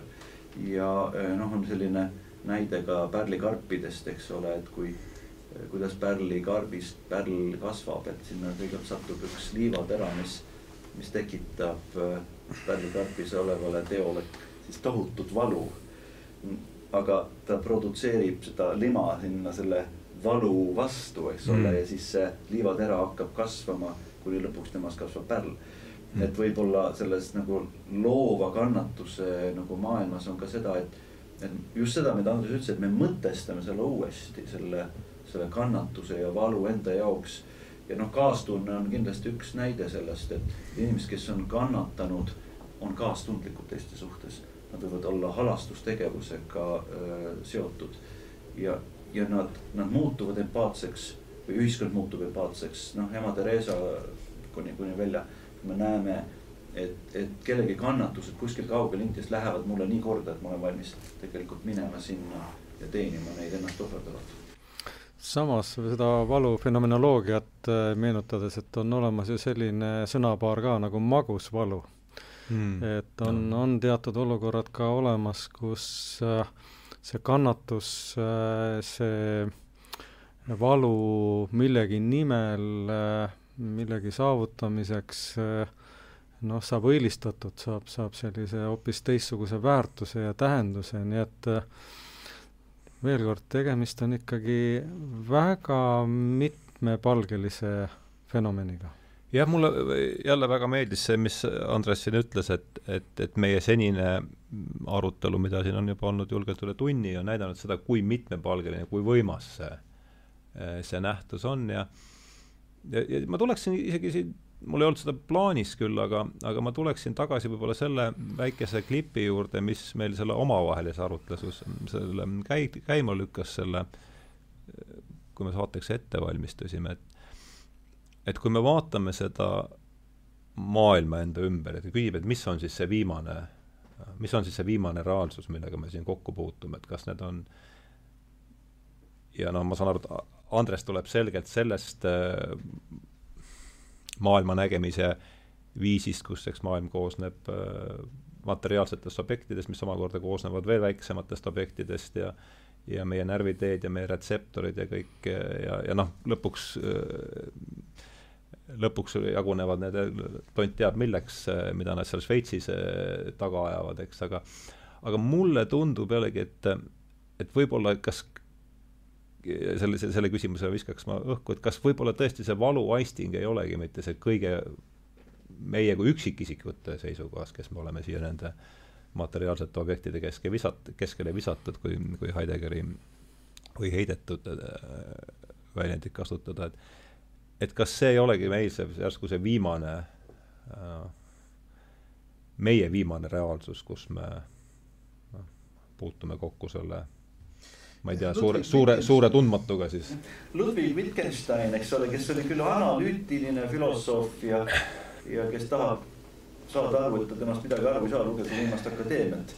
et seal on tema märkmeid, mida siis isegi mm, eks ole, Edmund äh, Russell äh, ütleb, et ma püüdsin küll, aga ma ei saanud aru, mida ta üritas öelda. aga, aga tema ühe sama äh,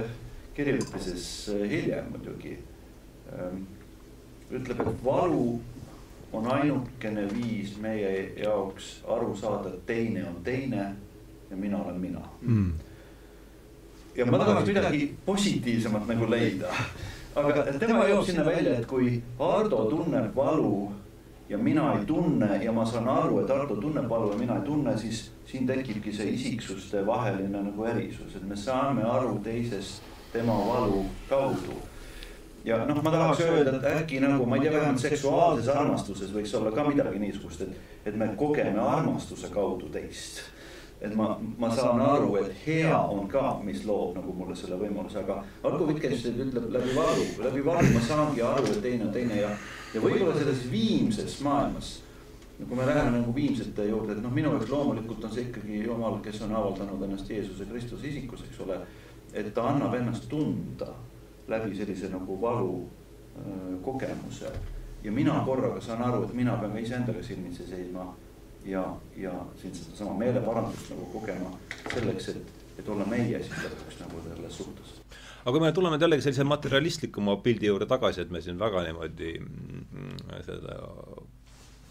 Äh, puhta vaimuna nüüd lehvima ei läheks, kui me vaatame seda asja nüüd evolutsiooniliselt, eks. Meil käis enne läbi siin see jutt, et, et kus kohas ajus õigu, kus kohas ajus õigupoolest see valusignaal siis tekib, eks, et va, äh, aju on ju ka nii vähe, kui mina sellest aru saan, selline hierarhiline struktuur, eks, et, et see uuem aju osa ja, ja, ja siis ja. seljaaju poolsemad olevad asjad ja ma lihtsalt mõtlen seda, et mm, Meego tõi sisse siin selle äh,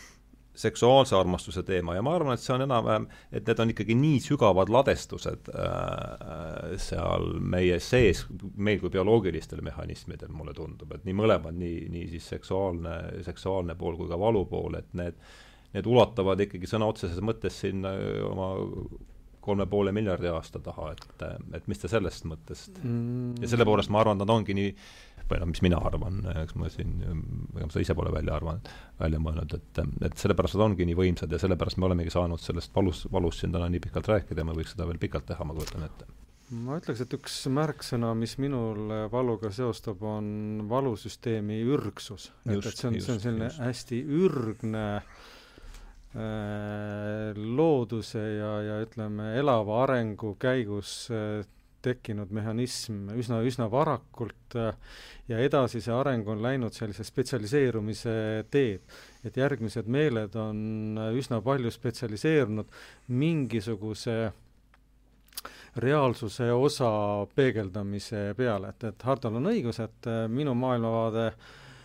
on tõesti üsna, üsna materialistlik, et see, see vaimne teekond on teisi vaateviise ka kunagi äh, õigeks pidanud, aga, aga praegu jah, ma, ma olen üsna veendunud, et et keeruline materiaalne süsteem on, on seda teadvust võimeline luua, looma ja mingisuguseid väga üleloomulikke või, või eraldi mingisugust vaimset eksistentsi nagu Descartesi tähenduses, et ma, ma sellesse kuigivõrd ei usu. et et, et, et see, see valusüsteem on,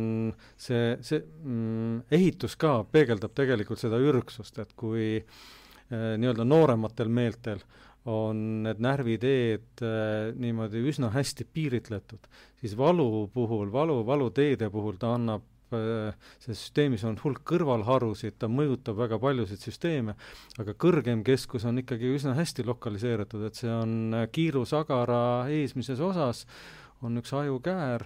ladina keeles on tema küüros post centralis eh, ja, ja seal on siis eh, see valumeel ka niimoodi ajukoores esindatud kehapiirkondade kaupa, et, et, et selles mõttes see organisatsioon on seal see on siis aju, aju suhteliselt uuemas osas, ma saan aru no ajukoor on jaa ja,, peaajukoor on, on, on, ongi see ja, kõige, kõige õuem osa. et, et, et selles mõttes seda, seda on hästi suudetud kaardistada, aga et tema mõju äh, on, on väga laialdane, väga äh, väga mitmekesine ja see on ka põhjus, miks äh, näiteks valu äh, stiimulid on ka väga tugevad stressorid, nad tekitavad väga tugeva sellise stressreaktsiooni ja see ei ole tingitud sellest, et valuaisting paneb selle stressi käima, see hakkab kõik juba varem peale. et, et see organismi alarmeerimine ja aktiveerimine algab juba enne seda peale, kui see, kui see valuaisting, see, see valutunne tekib, et et, et, et selles mõttes see äh, meelesüsteemi ürgsus on, on minu arvates siin üks selline, selline võtmesõna, mis aitab mõista valu ja, ja, ja valuga seostuvate organismisüsteemide asukohta kogu selles elavas masinavärgis. ma ei saanud nüüd hästi, ühest küljest sa räägid,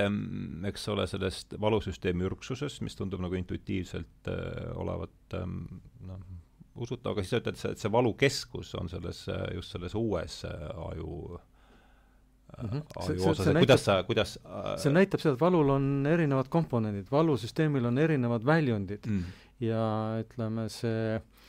see epikriitilise valu, selle, selle täpselt lokaliseeritava valu selline kõrgem keskus istub seal ajukoores, kus, kus ta on nagu kehapiirkonniti üsna, üsna hästi äh, ära lokaliseeritud, noh mm. ja selge on see, et kui äh, seal on mingisugune kahjustus, siis häirub ka vastavas kehapiirkonnas äh, valutundlikkus, et see, see on o üsna mehhanitsistlik seos. ometi siis ütleme, et kui, ja on ju inimesi, kellel, kes ei tunne valu, nad ikkagi suudavad, nad põhimõtteliselt ikkagi suudavad toimida, noh, küll omade, suurt, peavad... omade suurte riskidega või võivad ennast kogemata, eks, pöördumatult vigastada, aga nad ikkagi äh,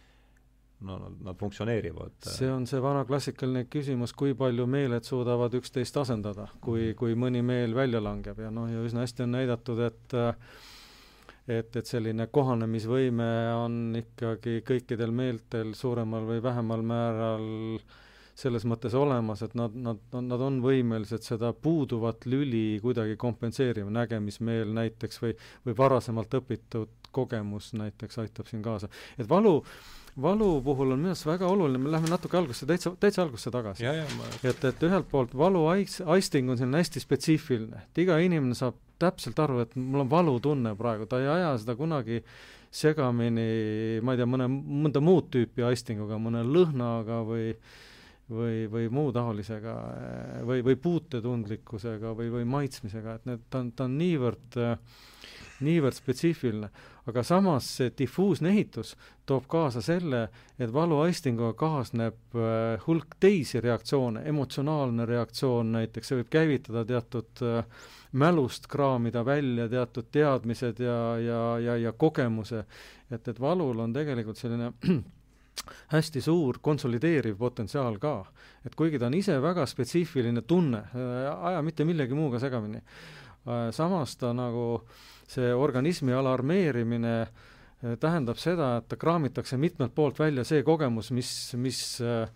äh, meil olemas on, et, et selle valuga siis midagi ette võtta mm.. et, et, et selles mõttes valu on ka väga omapärane. aga ma noh, olen nagu selles mõttes ju päri Andresega, et ta, et sa tood välja nagu need emotsioonilised ladestumised, eks ole, kuni sellisele kõrgemale mingisugusele metatasandile välja, me võime ka öelda, et see ajukoore tasand on nagu, eks ole, mingi kõrgem metatasand, mis võimaldab nagu sellel madalamatel tasanditel toimuval ka süsteemsemalt paremini toimida. ja noh, teadvuse tekke, millest sa oled, oled ju kõiges, eks ole, spetsialist, et et me võime nagu sealt edasi veel minna nagu ka kuni sellise psühholoogia tasandini välja, kus me, kus me küsime et kas see füsioloogiline esmane nagu valuaisting ongi nagu siis see, miks me eksisteerime või, või mis aitab meil eksisteerida, et, et me, me saame aru lõpuks nagu eneseteadvuse olenditest, et ma ei pea tundma tingimata füüsilist valu, et opereerida nii-öelda ühiskonnaliikmena, olla olla teiste vastu hea nii-öelda, et ma jõuan tegelikult nagu sellele, sellele tasandile välja, kus ma küsin, mis annab mulle nagu signaale kui inimesele, kui isiksusele, eks ole, et see, see ei pea tulema kõik alati alt, alt üles ainult. vaid ma võin ka ülevalt alla nagu suunata ennast teadvuse,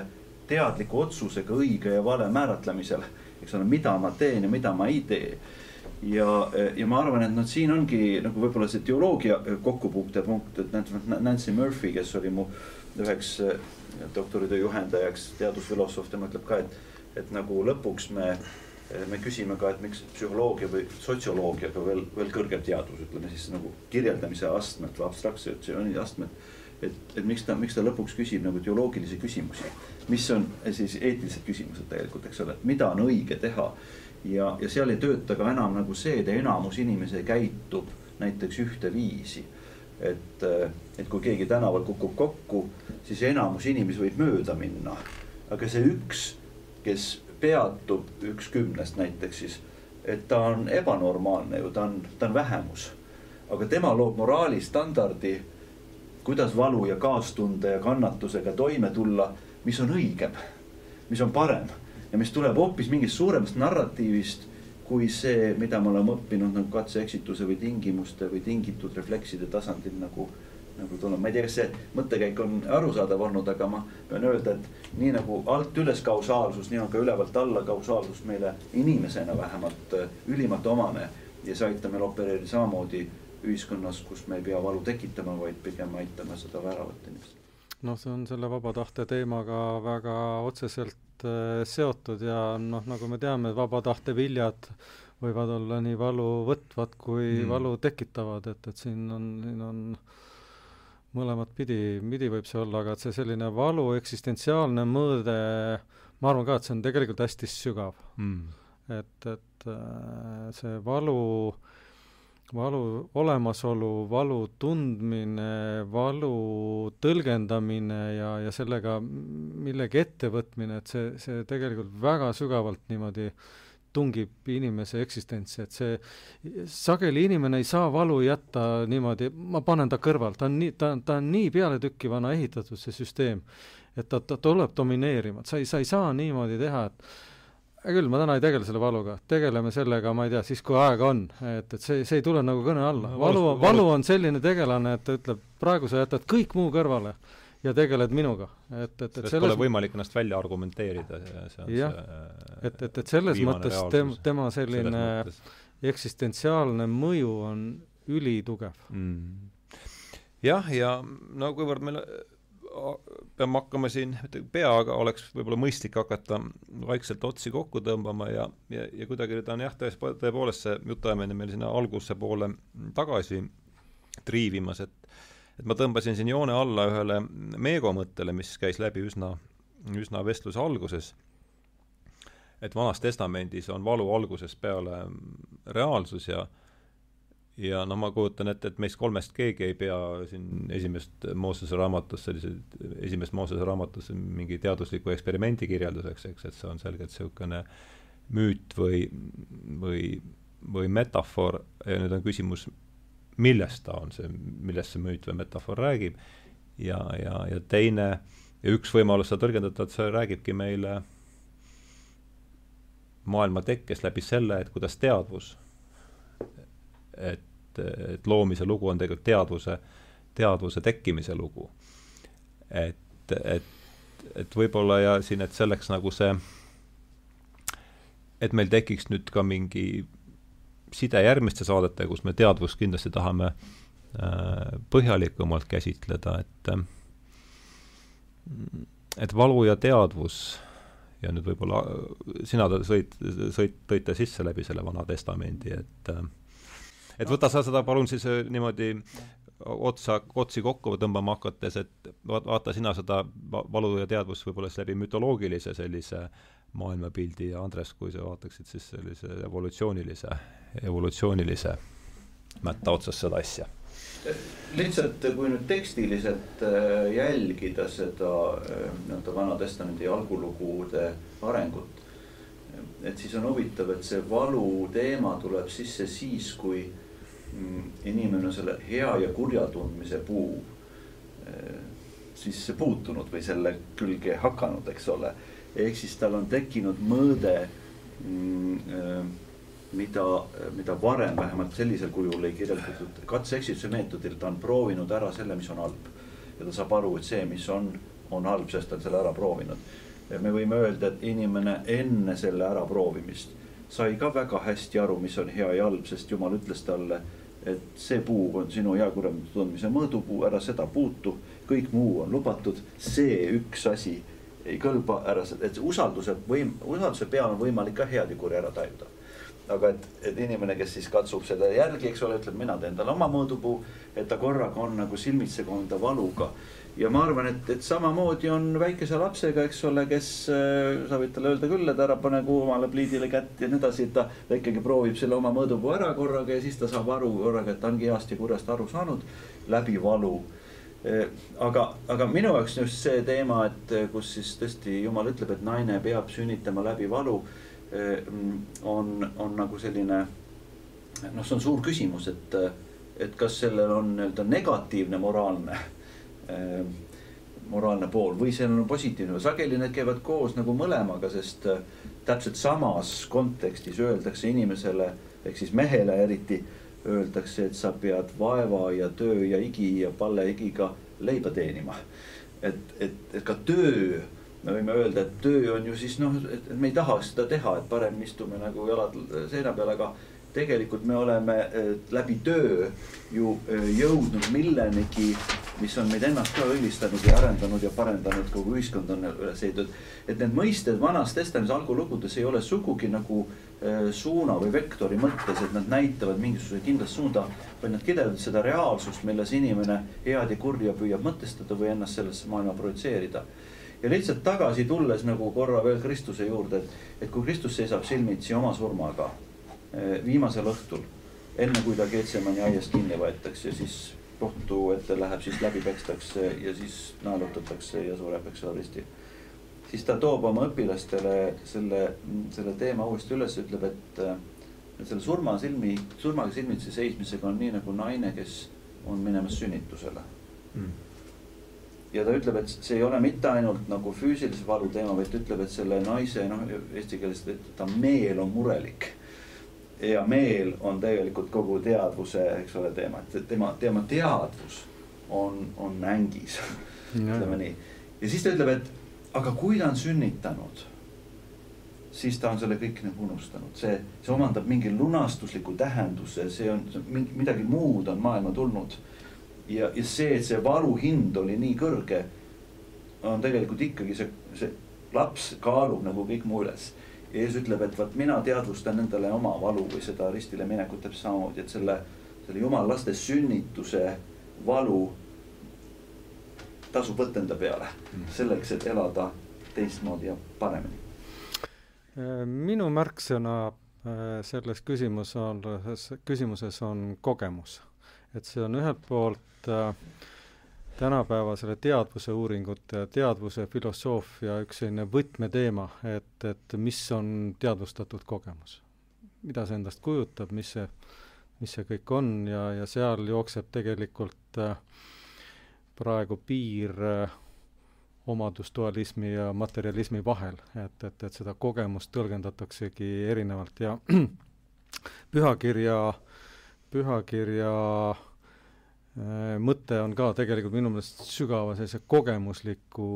iseloomuga mm. ja, ja see, see, mida Meego just praegu rääkis, see samuti. et, et valuga seotud kogemus on, on äh, hästi eriline.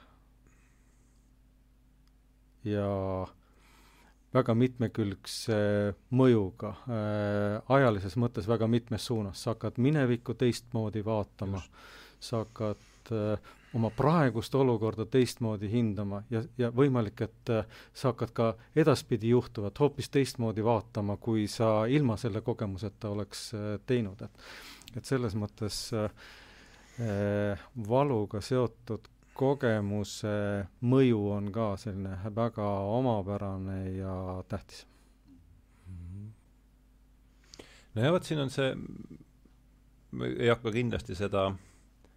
me ei hakka kindlasti seda teemat siin avama, sest see võtaks meilt siin veel paar tundi aega, aga aga sellised äh, võib-olla viimane ring siin veel enne, päris eelviimane ring peale teha, kirjutasin siin üles endale sellised, sellised neli mõistet nagu, nagu valu, teadvus, kirjutasin küll tulevik, aga, aga võib-olla peaks kirjutama aeg ja, ja, ja töö, et, et see on nüüd huvitav mõiste, et kas kas enne teadvuse, kas enne teadvuse sündi, mis te, mis teie arvate, kas te enne teadvuse sündi aeg on üldse olemas või? Mina arvan, et on, aga ma tahaks veel ühe mõõtme juurde Nii. tuua, mis võib-olla vähemasti mõtteeksperimendina oleks päris huvitav. et väga palju teadvuse teemal arutatakse tehisteadvuse teemat. et kas arvutile saame teadvuse sinna kuskile tekitada. Ja siis mul oleks see küsimus, et kui ütleme, et me oleksime selleks võimelised, kas me peaksime valu ka istutama arvuti teadvusse mm. või me peaks tegema tehisteadvuse ilma valuta? Et äh, mina ei tea ausalt öeldes. jah, ulmekirjandus ja filmid ja kõik on need stsenaariumid juba läbi mänginud, eks ole, et see arvuti mida me teha tahame tõenäoliselt, jah. et ta suudab arvutada välja ka selle kogemuse intensiivsuse, mis on valuga seoses, eks ole, ja siis ta võtab selle ka arvesse, käitudes ikkagi ratsionaalselt. aga ma arvan, et inimene on holistlik olend, et selles mõttes nagu inimeses nagu äh, mul on raske kujutada ette, et me suudame luua tehnitsistlikult midagi nii holistlikku kui inimene, kasvõi sama valu. aga küsimus oli teadvuse kohta. et äh, äh, ma olen sellel seisukohal, et teadvus ei ole ainult inimesele unikaalselt omane nähtus. ma arvan, et muul elaval on, on ka teadvus olemas ja ma järjest enam kaldun arvama, et tehisteadvus on ka võimalik. me ei me ei pruugi osata seda teha ja, ja võib-olla veel tükk aega ei, ei oska seda teha. aga et see materialistlik positsioon äh, sunnib mind omaks võtma ka tegelikult aru saavad, aru saama, et äh, arvutile saab ka teadvuse ikkagi tekitada. jah, ma ja, ja siis on see küsi-, ja, ja, ja siis on see küsimus, et äh, kui see on võimalik, mis me, mis kvaliteedid, mis asjad me sinna teadvusse paneme, et kas, kas me teeme täpselt samasuguse äh, või no enam-vähem samasuguse võimekusega teadvuse, nagu inimteadvus on, või siis me peaks midagi teistsugust tegema. Noh, ilmselt praegu me uusi kvaliteete ei suuda praegu üldse välja mõelda. Aga et noh, et äkki jätame mõne tülika ära, et mis, mis teeb elu keeruliseks või ma ei tea, provotseerib mingeid probleeme. näiteks tuleviku ühiskond, valuvaba ühiskond, ärme üldse valu kvaliteeti panemegi teadvusse aga noh, ilmselt valu on väga seotud Pole valumeelt, pole, pole, pole probleemi mm.. valu on orgaanilisusega nii tugevalt seotud, et kui me loome mingisuguse lauaarvuti, kes suudab teadvustada oma olemasolu ja nii edasi, et siis tal ei ole orgaanilises mõttes seda valu üldse vajagi. ta peab andma lihtsalt signaali, kui tal hakkab mingisugune häire, eks ole, tema, tema enda alarmsüsteem ei tööta enam, et et aga, aga ma, mida ma püüdsingi väita antud olukorras ja see on huvitav teema kindlasti, et et võib-olla nii holistlikku olendit kui inimene on nagu raske kujutada ette, sest, sest meil ongi, meil on teadvus, aga meil on seesama, see ürgne amööb on ka meis kuskil, eks ole, mhm. ikkagi jätkuvalt ja, ja ta töötab ühe terviksüsteemina ja kui ma lihtsalt lähen nagu veel mingi aste kõrgemale, siis ma näen lihtsalt nagu sellist inimkonda või, või sotsiaalset süsteemi nagu ka veel mingisuguse organismi kujundi kaudu. ja selle kohta väga huvitavalt on Paulus kirjutanud Rooma kirjas öeldes nagu tulevikule suunatud, et see kannatus, mis praegu maailmas on, et see on ka nagu sünnitusvalu. et see maailm on tegelikult nagu sünnitusvalu, isegi loodu, ka mhm. olgu siis loomad ja, ja kõik, et ka nende teadvus nagu sünnitusvalus millestki suuremast, mis võiks veel, veel tulla. ja, ja äkki, kui me nagu mõtleme selle peale, et, et need, need probleemid, milles me täna oleme, mis meile haiget teevad, olgu siis psühholoogilises või füüsilises mõttes, et need nagu võiksid võiksid sünnitada midagi suuremat meie enda sees. või et me vähemalt püüame nagu selle kaasa aidata kellegi teise kaudu. noh, ma toon ühe näite, kasvõi Toivo Tänasuu ja tema ema loo, eks ole, kes, ta ema sureb lõpuks. aga nad sünnitavad midagi, mis kannab täna nagu paljudele inimestele veel pikendat elu, et, et see on see creative suffering of God kus, kus on võimalik luua midagi vaatamata sellele, et ma ise kannatan või isegi no see motiiv on meditsiini ajaloos ikkagi ju väga väga läbiv, väga mõjukas, et, et meditsiini progress äh, suurel määral põhineb kellegi kannatusel. et seda, seda on tähele pandud äh,, seda on püütud tõlgendada, selle, sellega on püütud võidelda, et, et tegelikult äh, jah, et see, see, et äh, kannatus on tegelikult ka meditsiini edasi viinud, on, on on täitsa tõsi. kogu ju evolutsioon on selliste miljardite surmade ja, ja, ja, ja kannatuste ja valu ja, et, et jah, isegi jah, kogu areng. just, just. aga siin olekski võib-olla mm, siis sobiv hetk äh, teha teha viimane ring peale ja vastata Kuku raadio küla, Kuku raadio kuulajatele niimoodi äh,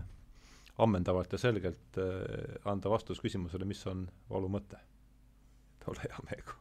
võta see vähe ambitsioonikas ülesanne niimoodi kõigepealt endale, Andres täiendab siin. ma arvan, et valu mõte on siis noh, ma ei suuda mingit ammentavat teaduslikku